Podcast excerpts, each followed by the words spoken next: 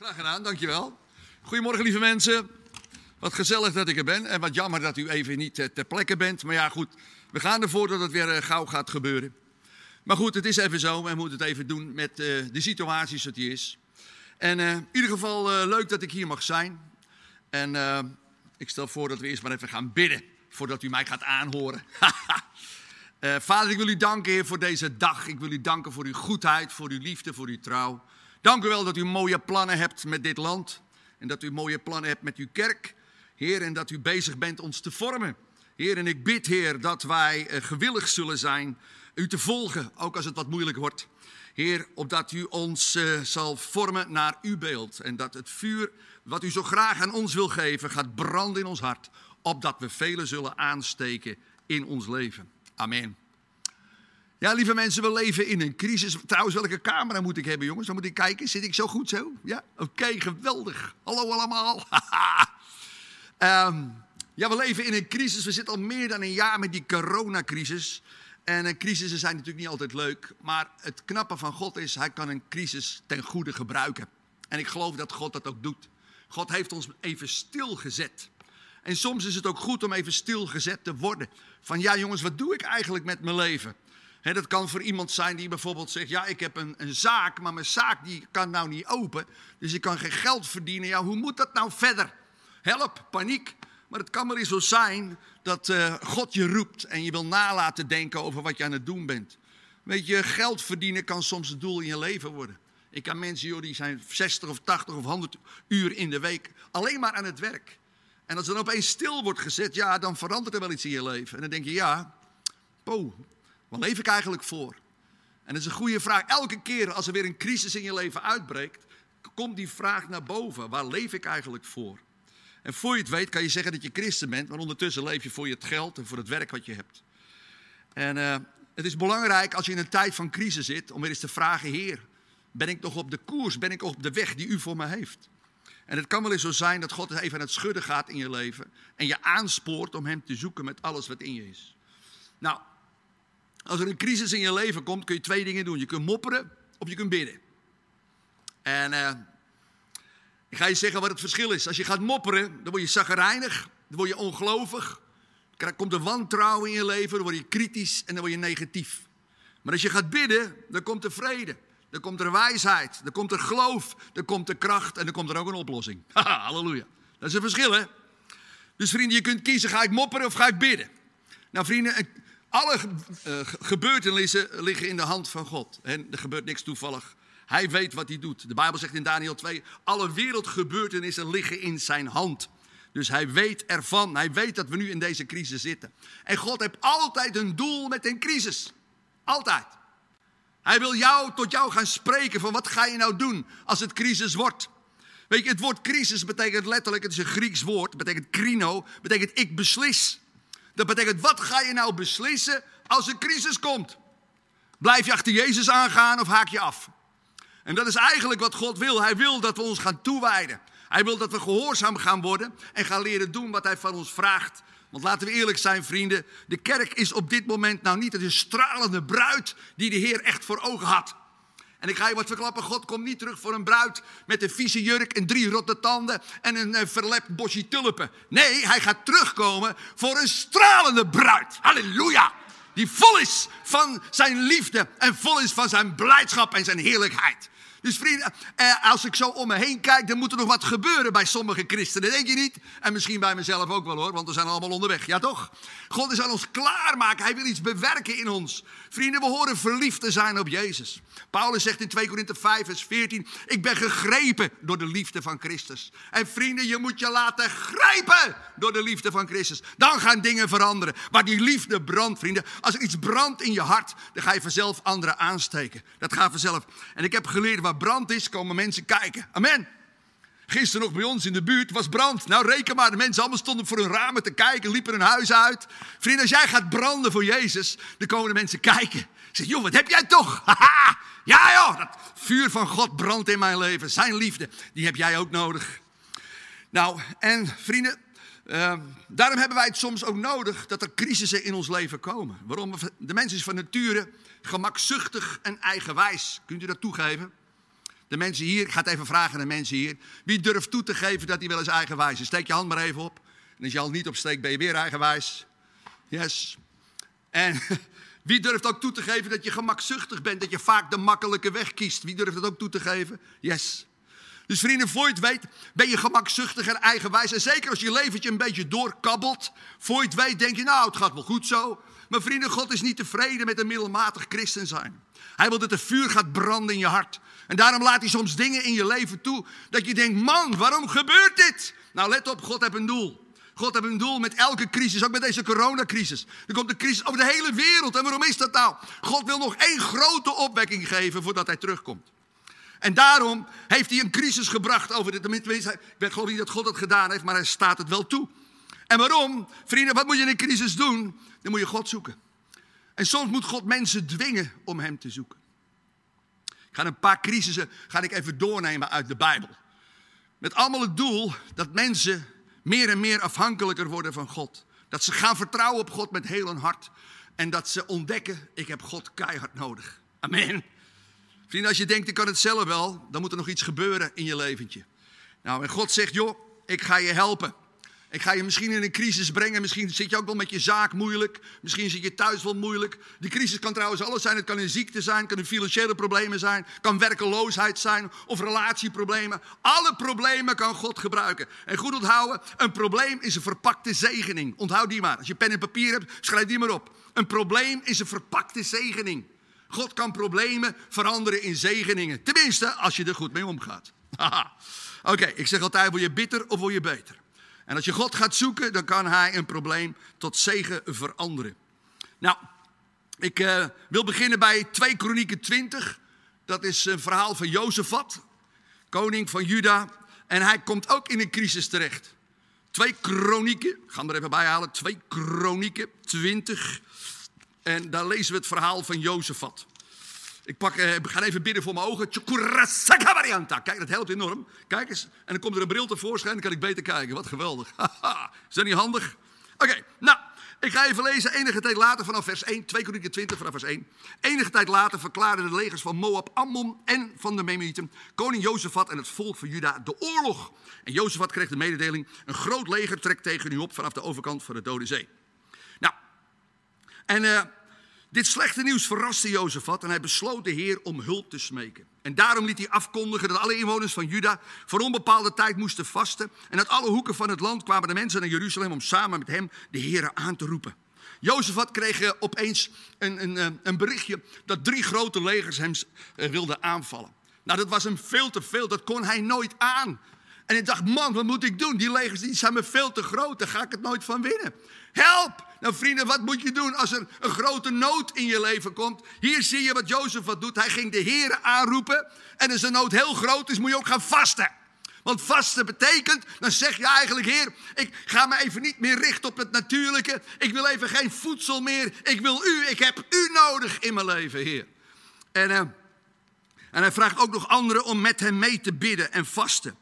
En toen het volk zich verzameld had op het nieuwe voorplein van de tempel, stond Jozefat op en sprak dit gebed uit. Heere, God van onze voorouders, de enige God in de hemel, heerser van alle koninkrijken op aarde. U bent zo machtig, u hebt zoveel kracht, wie kan het tegen u opnemen? En vrienden, als je in een crisis bent, moet je weer even herinneren, wie is God ook alweer? Ja, wie is hij ook alweer? Nou, let op, hij is de God, de enige God in de hemel, de heerser van alle koninkrijken op aarde. U bent zo machtig, u bent zoveel kracht. Wie kan het tegen u opnemen? Vrienden, er is geen probleem te groot voor God. Halleluja, want hij is de enige God in de hemel. Hij is de heerser over elk koninkrijk van God.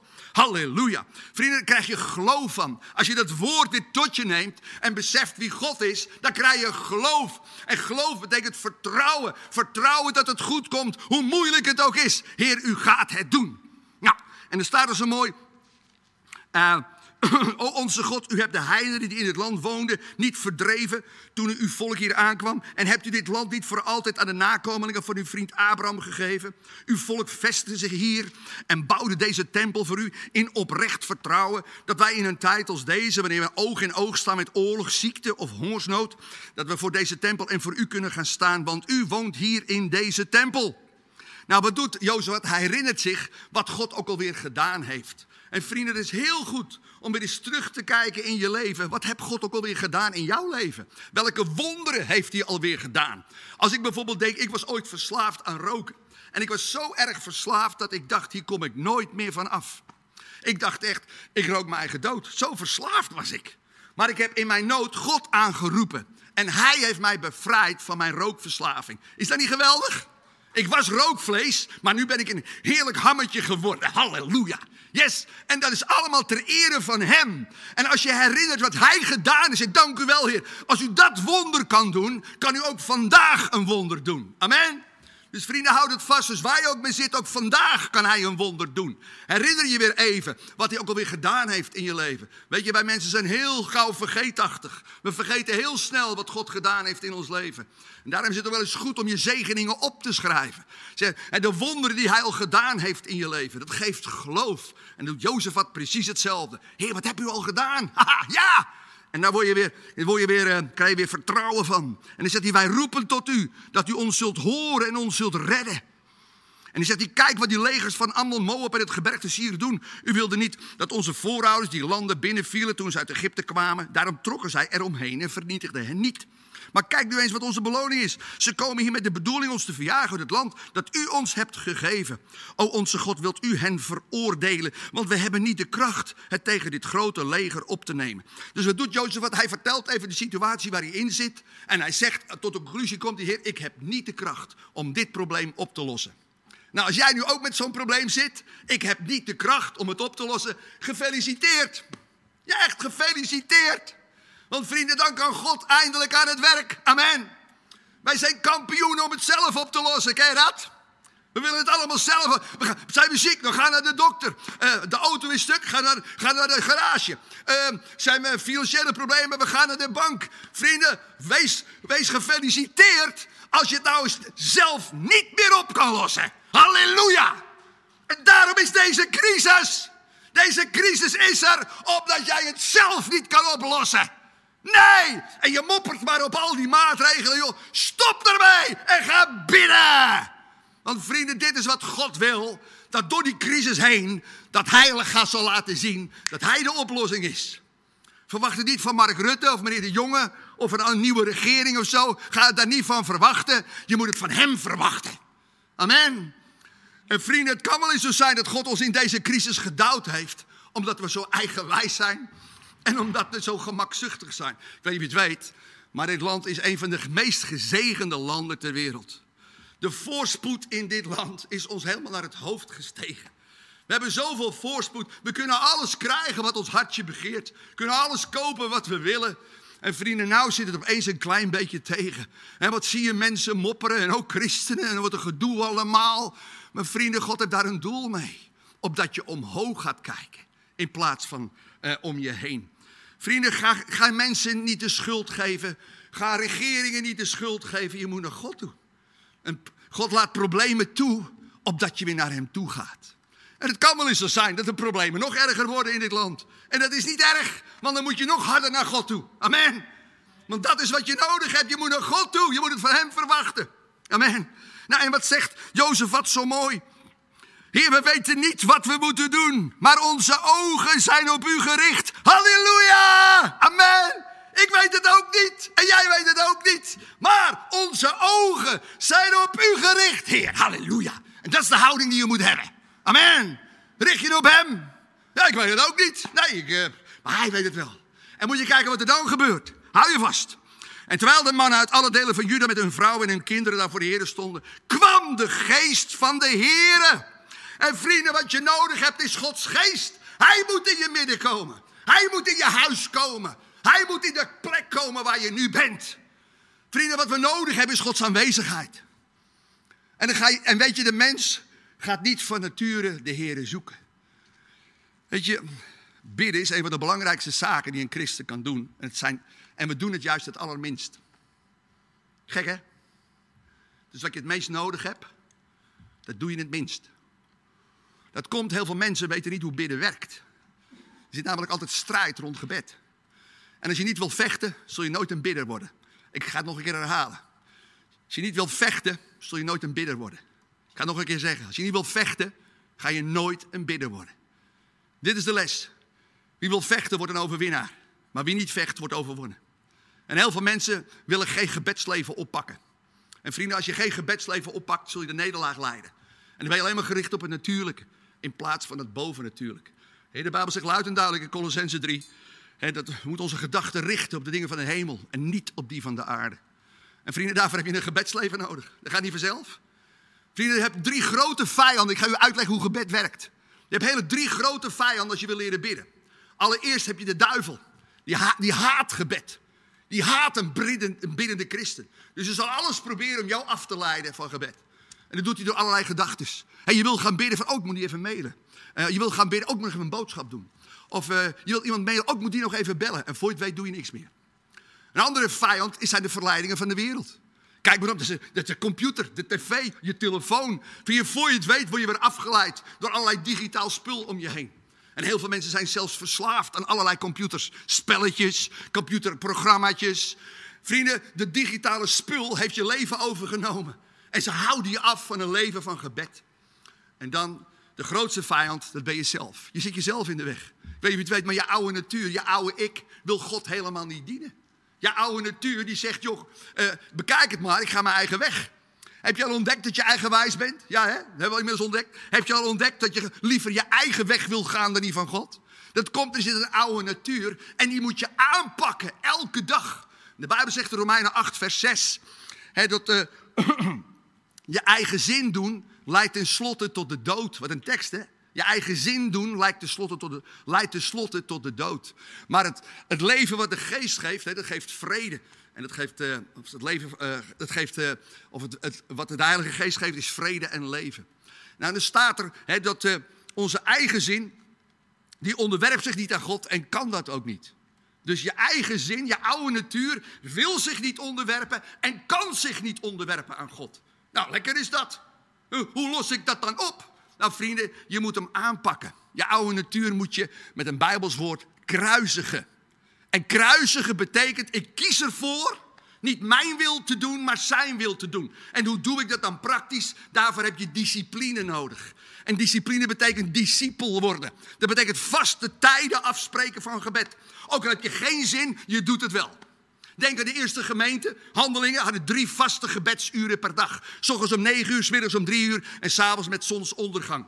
En waarom hadden ze drie vaste gebedsuren? Op die manier werkt God. Als wij gaan bidden, gaat God aan het werk. Goed onthouden, als ik werk, werk ik. Maar als ik bid, werkt God. Hoort verschil? Amen? Hoort verschil? Dus vrienden, je moet een gebedsleven opbouwen. Dat betekent, je moet vaste tijden van gebed krijgen. In je agenda schrijven. Ook al heb je geen zin, ik doe het, want ik weet dat ik het nodig heb. En als je toch je eigen zin dus gaat overwinnen, dan ben je bezig je vlees te kruisigen. En dan geef je de geest de ruimte. Dus vrienden, misschien moet je wat verslavingen uit je leven opruimen. Misschien moet je eens even wat hulp gaan vragen aan andere broers en zussen. Van, joh, wil je mij eens helpen om mijn leven op orde te krijgen? En ik wil je echt aanraden, zorg dat je een gebedsleven gaat opbouwen. Want het gaat moeilijker worden. Het gaat zwaarder worden, ook voor de christenen. Er kan wel eens een stuk vervolging gaan komen hè, voor christenen. Denk alleen maar aan die injectie die gaat komen. Ja toch? En stel je voor dat je dat nou niet wil. Zo'n gek idee, hè, dat een heel volk zich laat injecteren. Wat voor natie krijg je dan? Dan krijg je een vaccinatie. Maar goed, dat terzijde. En uh, ja, toch, vrienden, je moet je niet laten injecteren met zo'n spuit. Je moet je laten injecteren met Jezus. Amen. Je moet vol zijn van Jezus. Amen. Dat is het echte spul. En daar krijg je de kracht van om te doen wat je moet doen. Eh, sommige mensen die hebben al hun hoop op die injectie gesteld. Vrienden, houd toch op. Vrienden, we moeten onze hoop stellen op de Heer Jezus. Amen. Ja, daar kan ik leuke verhalen van. Ik, mijn schoonvader zat in een, in een verzorgingstehuis en daar hadden ze alle prikken gehad. En dan zei je, nou dan ben je toch veilig. Maar vrienden, toen brak de kroon opnieuw uit. Ja, ja joh. Vrienden, wees wijs en word wakker. Ga toch niet je vertrouwen stellen op een injectie. Je moet je vertrouwen stellen op Jezus. Amen. En hij zal je verder de weg wijzen en de kracht geven die je moet doen. Maar vrienden, dit is wat ik je wil leren. Je zal jezelf moeten leren aanpakken. Jezus zegt, als je, als je bij mij wil horen, moet je jezelf verlogenen. Moet je je kruis oppakken en mij volgen. Dus drie dingen doen. Je moet je verlogen. Wat is verlogen? Dat betekent letterlijk nee zeggen tegen je eigen verlangens. Dat is makkelijker gezegd dan gedaan. Waar haal je ooit de kracht vandaan om dat te doen? Door een gebedsleven op te bouwen. En onder andere door te vasten. En dan je kruis oppakken. Wat betekent dat? Ze niet meer mijn wil, Heer, maar ik ga uw wil doen. En eh, dat kan alleen maar als je een gebedsleven hebt, want in eigen kracht gaat je dat nooit lukken. En dan pas kun je hem volgen. Dus vrienden, u moet een gebedsleven krijgen. En dat is waar God u toe uitdaagt in deze crisis. Dat je je tijd niet loopt te, verdoen in, in, allerlei bouwmarkten. Of dat je weer een schuurtje gaat verbouwen. Of dat je kanarie weer een tweede huis erbij krijgt. Nee, vrienden, wat je moet doen is dat je je tijd gaat gebruiken om God te zoeken met alles wat in je is. Eh, net als Jozefat. Jozefat die werd, kreeg een crisis over zich heen. En wat ging hij doen? Hij ging God aanroepen, hij ging vasten. Hij ging herinneren hoe groot God ook alweer is. dat geeft geloof. Hij ging even herinneren de zegeningen die God vroeger gegeven had. En dat geeft ook weer geloof. En hij ging even tegen God zeggen: Heer, ik kan het niet, u moet mij helpen. En mijn oog is op u gericht. En ik verwacht het allemaal van u. En als je die dingen doet, dan gaat Gods geest komen. En dan gaat de geest spreken. En moet je kijken wat hier gebeurt. Dan is er Jehaziel, die spreekt dan. Luister naar mij, mensen van Juda en Jeruzalem. En nu ook koning Jozefat. Wees niet bang, halleluja. God neemt de angst weg. Is dat niet mooi? Als Gods geest komt, gaat de angst weg. Amen. Waar is angst? Waar God niet is. Maar waar God dichtbij is, is de angst verdwenen. Amen. Daarom moet je een gebedsleven hebben, omdat je dicht bij God bent. Opdat de angst wijkt. Amen. Waar God dichtbij is. Het eerste wat Jezus altijd zegt, of God zegt, als hij mensen ontmoet, wees niet bang. Amen. Vrienden, je hoeft niet bang te zijn. Halleluja. En als je wel bang bent, dan zou ik zeggen, maak Psalm 91 tot jouw psalm. He, waar de Bijbel zegt he, dat hij ons beschermt, dat we geborgen en veilig zijn bij hem. Er staat letterlijk, de pest zal ons niet treffen. De corona zal ons niet treffen. Zeg, ja, maar Herman, mensen kunnen toch ook wel ziek worden? Zeker kunnen we ziek worden, maar er is ook een God die ons beschermt. En geloof je dat ook nog? Amen.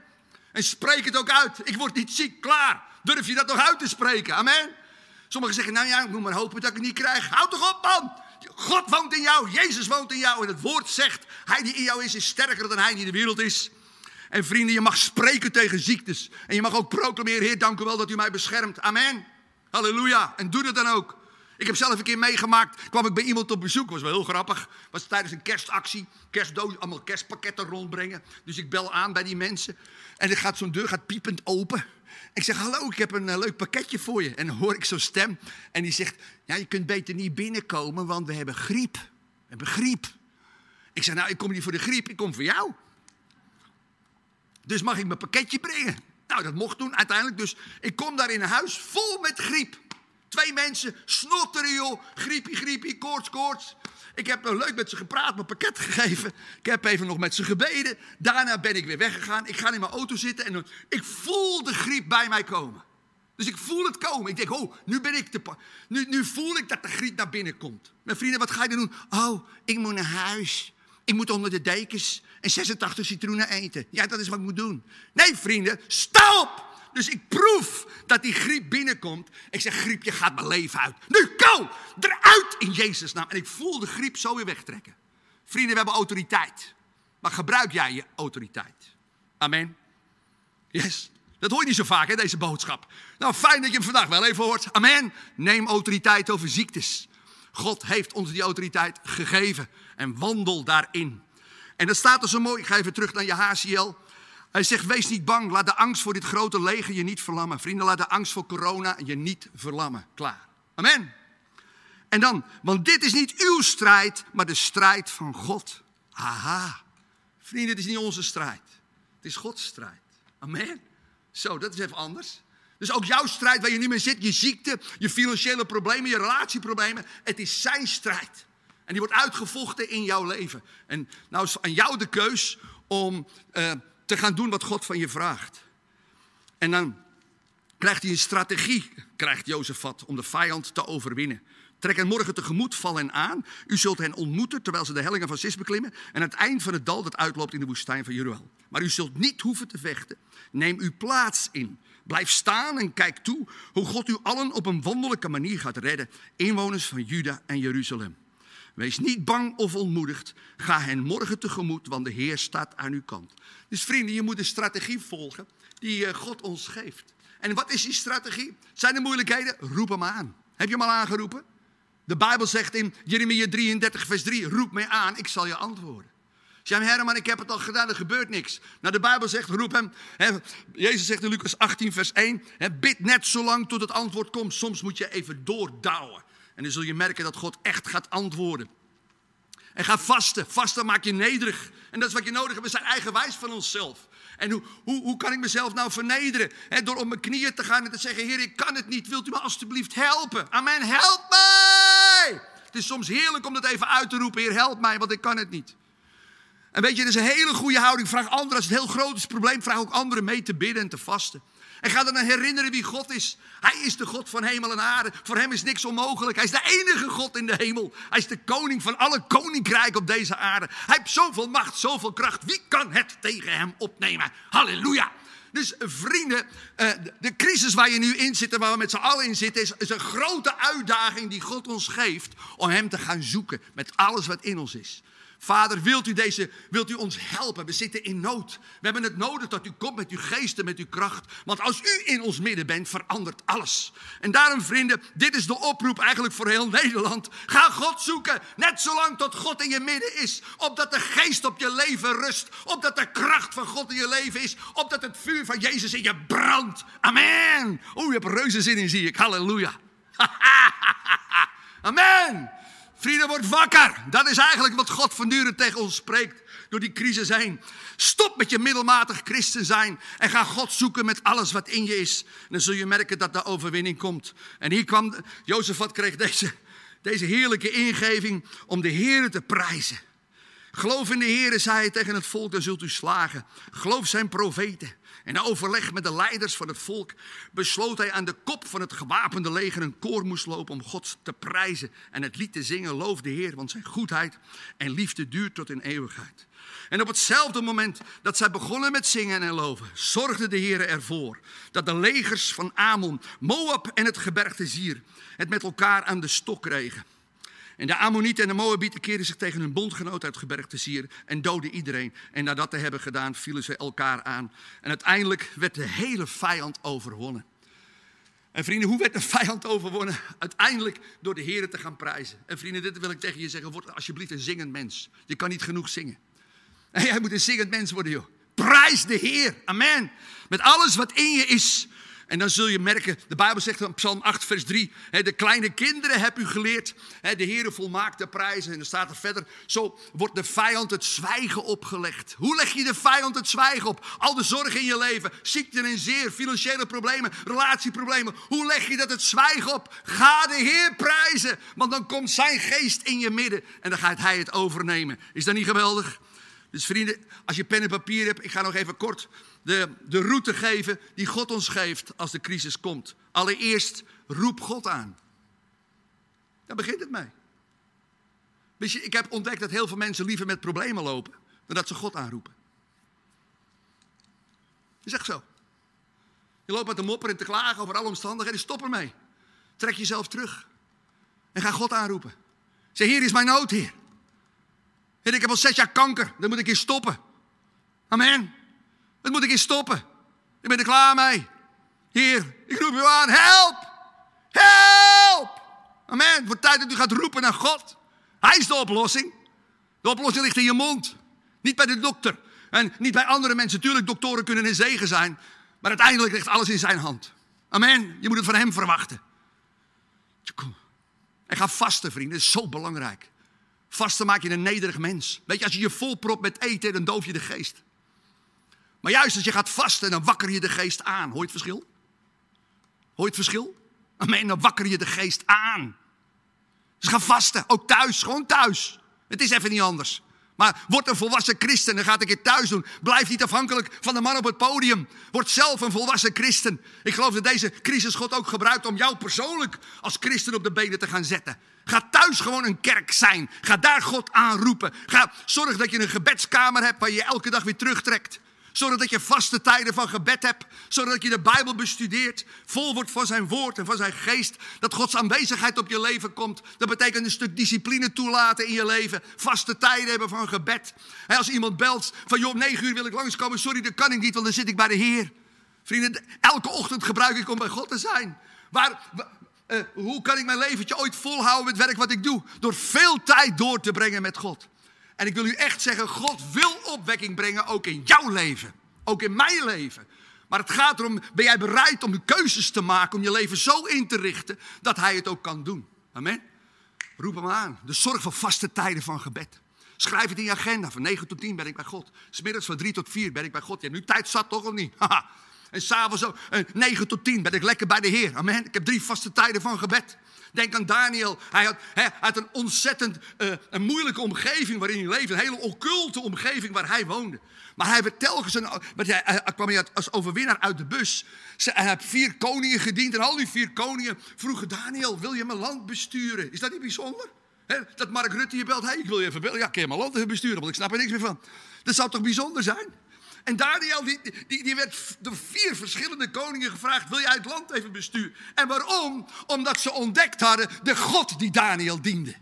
En waarom werd die God zichtbaar in het leven van Daniel? Omdat hij een gebedsleven had. Drie keer per dag zocht hij God met alles wat in hem was. En waarom? Omdat hij wist: zonder God kan ik niks. Amen. En dat is ons probleem. We denken dat we heel veel zelf wel kunnen. En daarom is soms een crisis nodig om jou te laten ontdekken dat je zelf helemaal niks kan. Je moet afhankelijk worden van God. Hoor wat ik zeg? Je moet afhankelijk worden van God. In alles wat je zegt, in alles wat je doet, in alles wat je denkt. En vrienden, wij zijn vaak zo op onszelf. We zijn zo onafhankelijk. En denken, ah joh, eh, God is leuk, God is leuk, een beetje erbij. En de rest eh, vul ik zelf wel in. Vrienden, dat is niet wat God wil. God kan alleen maar een opwekking brengen als je bereid bent je hele hart aan Hem te geven.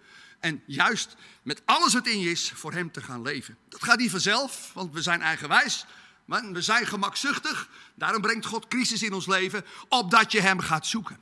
Dus als je nu in een crisis zit, is dit het doel. Zoek God. Roep hem aan. Ga vasten. Roep misschien ook anderen. Hé hey joh, wil je met me mee bidden en vasten, want ik red het niet.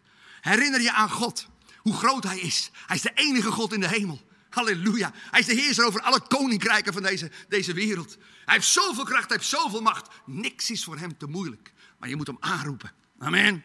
Herinner je wat hij al gedaan heeft in je leven. Herinner het maar even. Wat was het ook alweer? Oh ja, heel lang geleden. Welke wonderen heeft hij ook alweer gedaan? Ja, als hij toen niet ingegrepen had, was je er misschien wel, niet meer. Ja toch? Laten we eerlijk zijn. Dus vrienden, herinner je de zegeningen die hij gegeven hebt. Herinner de beloftes die God ook eh, geeft. En eh, herinner je ook eh, wat hij al gedaan heeft in je leven. En wat hij nog... en de beloftes die hij geeft, hè, zoals roep, hem aan, roep mij aan en ik zal je antwoorden. God wil graag spreken in je leven, maar je moet hem wel aanroepen. En vrienden, en als je, als je zegt, Heer, ik weet het niet, het probleem is mij veel te groot. Hou je oog gericht op Hem. En weet je, als je je ogen richt op Hem, dat is een houding. Een houding van, Heer, ik verwacht het van U. Dat betekent, hoe doe je dat dan? Hè? Je ogen gericht houden op Hem. Als je je terugtrekt en je hebt gebeden, wil ik je allereerst eh, aanmoedigen. Ga wat Bijbelteksten lezen, wat Bijbelgedeeltes lezen, die allemaal te maken hebben met crisissen. De Bijbel staat er vol van. De, Bijbel is één, groot crisisboek. yes, voortdurend. Ik moet even denken aan, aan ik denk het verhaal van Jacob. Dat is ook zo'n prachtig voorbeeld. En Jacob, u kent hem allemaal. De, de, familie heeft twee zoons? Ezo en Jacob. En eh, Isaac en Rebecca hebben de twee van de jongens. En die ene is een lievertje. Hè? Die dat is een hele zachte jongen. Jacob, die houdt van punniken. Een hele zachte jongen. En dan heb je ook die wilde Esau. En die houdt van beesten jagen, weet je. En dan, is wild. En, en, en Esau is het lievelingetje van pa. En, en Jacob is een lievelingetje van ma. Nou, als je weet dat eh, Jacob, die, die weet dan het, eh, het, het geboorterecht van Esau af te pakken... door een bord soep hem te geven. En ons zegt het niet zoveel, maar het geboorterecht betekent dat je alles krijgt wat je als vader overlijdt. Dan krijg je alles als oudste zoon. Dus dan heb je een hele grote erfenis. En dat had hij dus afgepikt van zijn broer. En ook nog een keer de zegen, toen zijn vader eh, op sterven lag, had Jacob ook nog een keer de zegen van vader afgepikt. Nou goed, en dus Ezo was er flink pissig om. En zo pissig dat hij bereid was zijn broer te vermoorden. Nou, toen zei zijn moeder: Jacob, het is misschien wijs dat je even uit de luwte gaat, eh, even op reis. Hè, want Esau moet misschien even een beetje bijkomen. Nou, Jacob die ging dus eh, als een speer naar Ome Laban, ging daar werken. Heeft er uiteindelijk twintig jaar gewerkt. En toen begon God te spreken. Hé hey, vriend, je moet weer terug naar je broer. Wat een crisis. Dat is iemand die je wil vermoorden, hè? Daar zie je niet op te wachten, toch? Je gaat niet terug naar iemand die jou wil vermoorden, toch? Niet? Dat is het laatste wat je wil. Maar God sprak. Ik moet trouwens denken, vanmorgen moest ik denken, zijn er mensen met wie jij het goed moet maken? Misschien ben je ook wel op de vlucht gegaan voor iemand. Ik wil echt tegen je zeggen, maak het in orde. De Bijbel zegt in Romeinen 12, vers 18, hè, doe je best om met iedereen in vrede te leven. Misschien moet je het ook in orde maken met iemand. Misschien ook met een familielid wat je al jaren niet gezien hebt. Ik zou zeggen, zoek hem maar op. God spreekt vandaag tot jou. Hij moest het goed maken met zijn broer. En Jacob zag het niet zitten. Want hij wist, mijn broer die wil me doodmaken. Hij was zo bang. Wat een crisis. Man, man, man.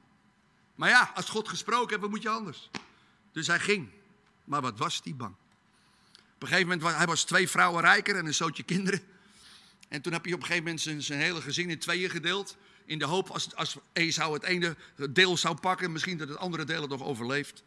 Maar hij was zo bang geworden dat hij ging bidden. Soms moet de crisis zo groot worden dat je niks anders meer kan dan bidden.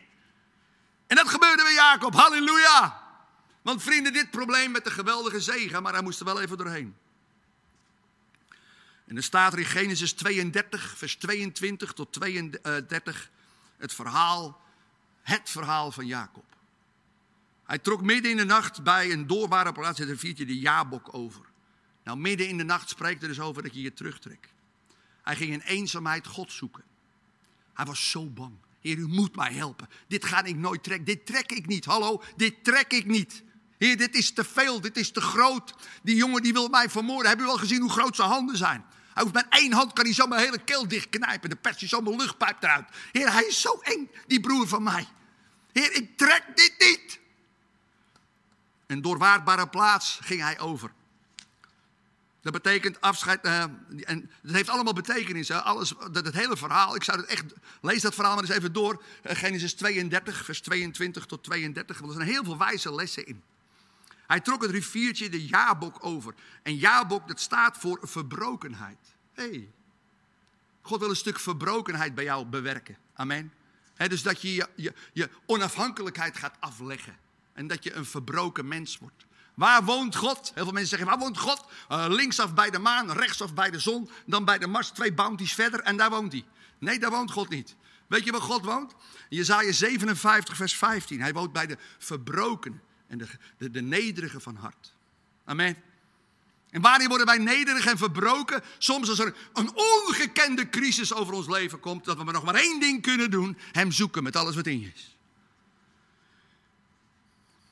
En... Uh, en een man vocht daar met hem tot de dag werd. Dus de hele nacht was hij bezig. Hoor dat? Een hele nacht. Was niet een bidstondje van vijf minuten. De hele nacht was hij. Heer, u moet me helpen. Dit trek ik niet. Help mij. Die broer van mij is veel te eng. Ik durf het niet, heer. Ik doe het in mijn broek. Durf, durf eens in mijn broek te kijken. Wow. Ik ben bang wat ik daar allemaal vind. Hij vocht daar de hele nacht. En uh, ja, Bidden is soms een gevecht, vrienden. En dan gaat God reageren op zijn gebed. Want God wil graag reageren op onze gebeden. En toen de man merkte dat het gevecht niet kon winnen, sloeg hij Jacob op de heup zodat het gewricht uit de kom schoot. Nou, de man, daar wordt Jezus mee bedoeld, of een engel, die sowieso sterker is dan de mens. Maar Jacob was vastbesloten om niet los te laten. Voordat hij, wat, voordat hij van God kreeg wat hij echt nodig had. En uh, hij had de kracht nodig en de moed nodig om zijn broer te ontmoeten. En daarna hij wordt op de heup geslagen. Ik zeg, waarom op de heup? Nou vrienden, de heup is een van de sterkste spieren van een menselijk lichaam. En het staat voor menselijke kracht. En daarom werd hij op de heup geslagen. Zijn menselijke kracht moest gebroken worden. Zijn eigen kracht moest verbroken worden, opdat hij op Gods kracht zou gaan vertrouwen. Hoe was de bidstond? Ja, ik, uh, ben een, uh, ja, ik loop een beetje anders. Het is, uh, ja, ik heb een beetje aan mijn heup.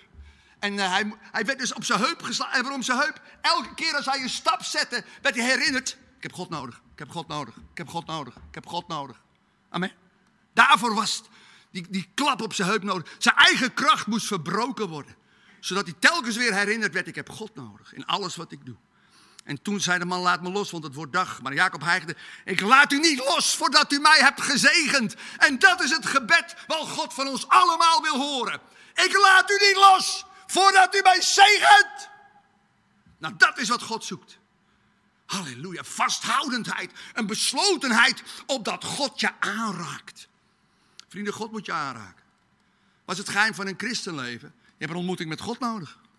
Amen. Dat is het geheim. Zolang je afhankelijk blijft van samenkomstjes of van een livestream of van een bijbeltje, is allemaal lief, goed en aardig, vrienden. Maar wat je nodig hebt, werkelijk nodig hebt, is een ontmoeting met God dan ben je nooit meer dezelfde. Alle mensen in de Bijbel die God heerlijk gebruikte, hadden eerst een ontmoeting met Hem.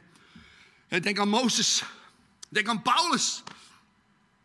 Uh, het zijn allemaal mensen die ontmoetingen met God hadden. Denk aan Jezaja. Vrienden, wanneer je een ontmoeting met God, dan ben je nooit meer dezelfde. En dat is wat God wil bewerken door die crisis heen. En hij kreeg een nieuwe naam. Hij zegt, hoe heet u? Hij zegt, Jacob. En waarom wist die engel of wist Jezus niet dat hij Jacob was? Natuurlijk wist hij dat wel, maar hij moest even herinnerd worden aan zijn naam. Want wat betekent Jacob? Jacob betekent bedrieger, hielelikker. En ik weet niet of je het weet, maar er zit in jou een bedrieger. Wie heeft het al ontdekt dat er een bedrieger in je zit? Je zegt dit en je doet dat. Wie herkent dat? Amen. Ja toch? Er zit een bedrieger in jou. Je belooft van alles en je doet het niet. Je hebt van alles al gezegd, terwijl je het helemaal niet nakomt. Er zit een bedrieger, een Jacob zit er in ons allemaal. Hoe kom ik ooit van mijn Jacob af? Die bedrieger. Ik wil goed, maar ik doe het niet. Wie herkent dat? Ja toch? Ik zit vast in de porno. Ik wil het niet, maar ik doe het toch. Oh, help mij. Hoe kom ik er ooit vanaf? Nou vrienden, je hebt een ontmoeting met God nodig. De bedrieger in jou moet aan het licht komen. Jacob moet in, in, in jou aan het licht komen. En daarom vroeg hij, hoe heet jij? Oh, ik heet Jacob. Precies, je bent een bedrieger. Even eerlijk worden, vrienden. De spiegel moet even op je gezet worden. Dat je denkt, wow, oh, ben ik een bedrieger? Ja, je bent een bedrieger. Je, doet, je, je zegt dingen terwijl je ze niet doet. Weet je, de schijnheiligheid moet je leven uit. En hoe gaat ooit de schijnheiligheid mijn leven uit? Door een ontmoeting met God. Daarom moet je hem zoeken. Daarom brengt God een crisis in je leven. Opdat je hem gaat zoeken met alles wat in je is. En dan zegt hij, joh, je heet niet langer een ja Jacob. Ik ga je een nieuwe naam geven. Israël! En Israël betekent overwinnaar met God. Halleluja. Amen. En dat is wat je moet worden. Een overwinnaar. En laten we eerlijk zijn, vrienden. De kerk in Nederland is niet zo overwinnend-achtig. Amen.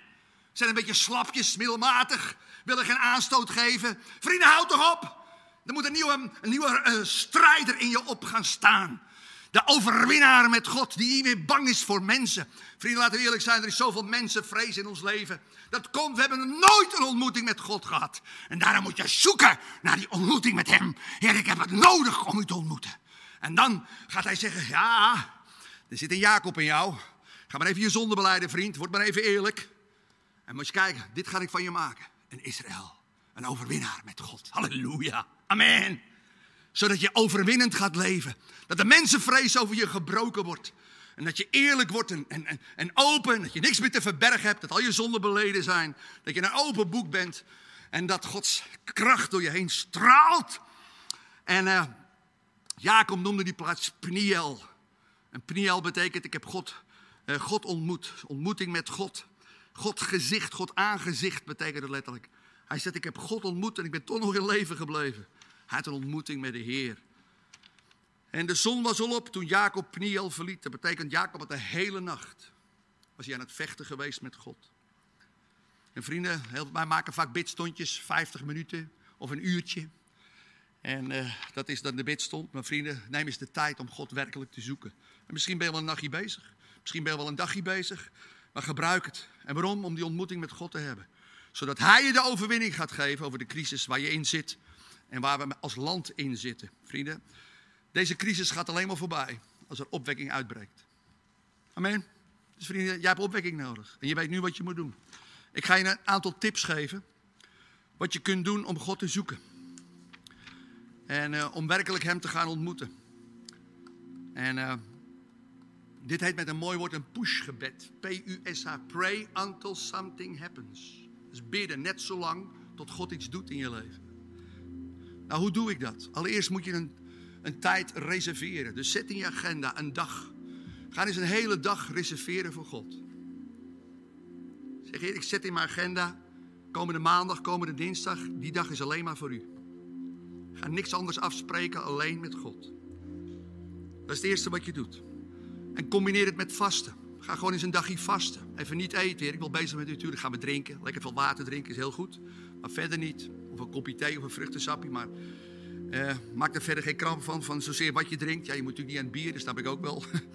maar vrienden, ga nou eens een keer bidden en vasten. En uh, het eerste wat je dan moet doen. Maak je hart schoon. Dus beleid je zonde. Vergeef de mensen die je gekwetst hebben. En geef je zorg aan God. Dan ga je hem prijzen. Dan ga je hem aanbidden. Zeg, Heer, ik prijzen. Zet even een cd'tje anders op. Ga lekker de Heer prijzen. Dan kom je Gods aanwezigheid. Ga dan spreken in tongen. Dat zet de kracht van de geest vrij. Je kan niet genoeg spreken in tongen, vrienden. Dat brengt je onder de controle van de Heilige Geest. Dan gaan de gaven van de geest ook makkelijker, uh, die gaan dan stromen. Het wordt makkelijker om te gaan bidden voor zieken. Het wordt makkelijker om te gaan profiteren. Het wordt makkelijker Gods stem te verstaan. En dan laat deze, deze twee Bijbelverhalen, ga die eens goed doorbidden. Genesis 32, vers 22 tot 32, verhaal van Jacob. Waar hij een ontmoeting met God heeft. Het verhaal van Jozefat, 2 Kronieken 20. Ga die verhalen doorbidden. Zeg je, wat betekent dat voor mij? Je zult merken dat God gaat spreken door die verhalen heen. En dan vrienden, wees dan stil in Gods aanwezigheid en wacht op Hem. De Bijbel zegt in rust en vertrouwen ligt je kracht. Er staat erachter, maar je wil het niet. Jesaja 30 vers 15. Leer te wachten op God. Zoals Jezus zegt tegen zijn discipelen, je mag Jeruzalem niet verlaten. Totdat de Vader heeft gegeven wat hij heeft beloofd. Weet je, heel veel mensen gaan weg uit een plek van gebed, terwijl God ze nog niet aangeraakt heeft. Vrienden, dan is er geen kracht. Je moet het lef hebben om te wachten, net zolang tot God je aanraakt. Dat je een ontmoeting met Hem hebt.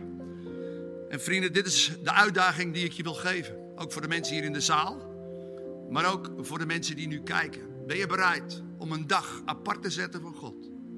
Om te zeggen, ja Heer, ik ga u zoeken. Ben je bereid om echt een dag, gewoon eens begin eens met een dag. Wie weet hoe God spreekt. Zeg Heer, ik heb het nodig om u te ontmoeten. De crisis waar ik in zit, die ga ik zelf nooit overwinnen. De vijand is te groot. Heer, u moet gaan ingrijpen. Daarom gaan we u zoeken. Ik ga het nog een keer zeggen, om het te herhalen. Reserveer een dag, dat is stap 1. Dus zet in je agenda, welke dag ga jij reserveren voor God? Dan trek je terug op een stille plek, waar je ook eh, helemaal alleen met God kan zijn. Zorg voor een gebedschrift en een Bijbel, uiteraard. En combineer het met vasten, zodat je gebeden krachtiger worden. En maak allereerst je hart schoon. Dat betekent, word stil en beleid je zonde. Zoveel mensen zitten vast aan allerlei zonden, ook christenen.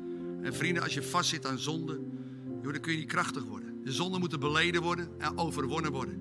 En dat kun je niet in eigen kracht. Je moet God vragen, help mij. En sommige mensen moeten ook hulp vragen aan een ander. Sommige zonden worden niet overwonnen in je. Denk aan porno, dat kun je alleen maar overwinnen als je een maatje hebt die je daarbij helpt. Vraag dan zo iemand. Zeg, joh, ik heb iemand nodig, help mij om dit te overwinnen. Vervolgens vergeef de mensen die je gekwetst hebben en geef je zorg aan hem. Dan ga je de Heeren prijzen en aanbidden. En bid hem maar lekker even een tijdje. Een half uurtje, een uurtje lekker de Heeren prijzen. Lekker man. Spreek in tongen. Leer dat. Gewoon leer te spreken in tongen elke dag. Zet de geest vrij. Ga Gods woord doorbidden. We weten nu wat we moeten doen. 2 Kronieken 20 en Genesis 32, vers 22 tot 32. Ook een goed verhaal is Handelingen 12. Bid het maar door. Het zijn allemaal crisissen. En door die crisissen gaat God zijn werk doen.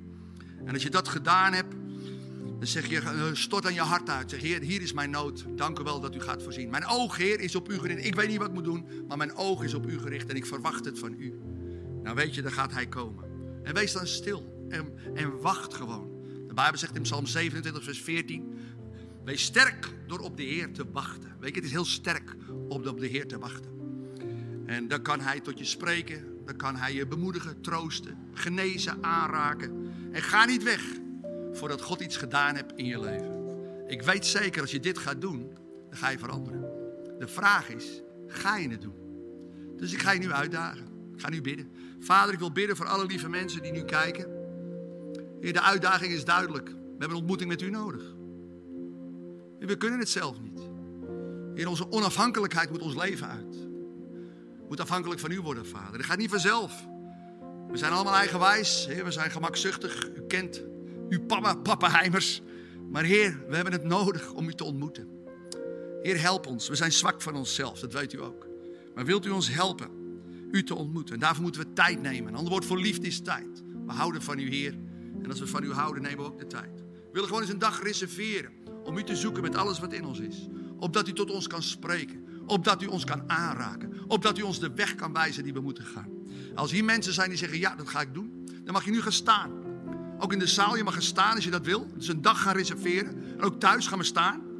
Ik ga me staan en zeggen, ja, ik ga, een dag, ik ga mijn dag reserveren voor God. Ik wil werkelijk Hem zoeken. Ik heb het nodig om Hem te ontmoeten. En als je nu staat, ga ik voor je bidden. Vader, ik zegen alle mensen die de keuze hebben gemaakt om een dag apart te zetten voor God om u te zoeken met alles wat in hen is. En ik bid dat u luid en duidelijk gaat spreken tot hun. Dat ze de weg gaan zien die ze moeten gaan.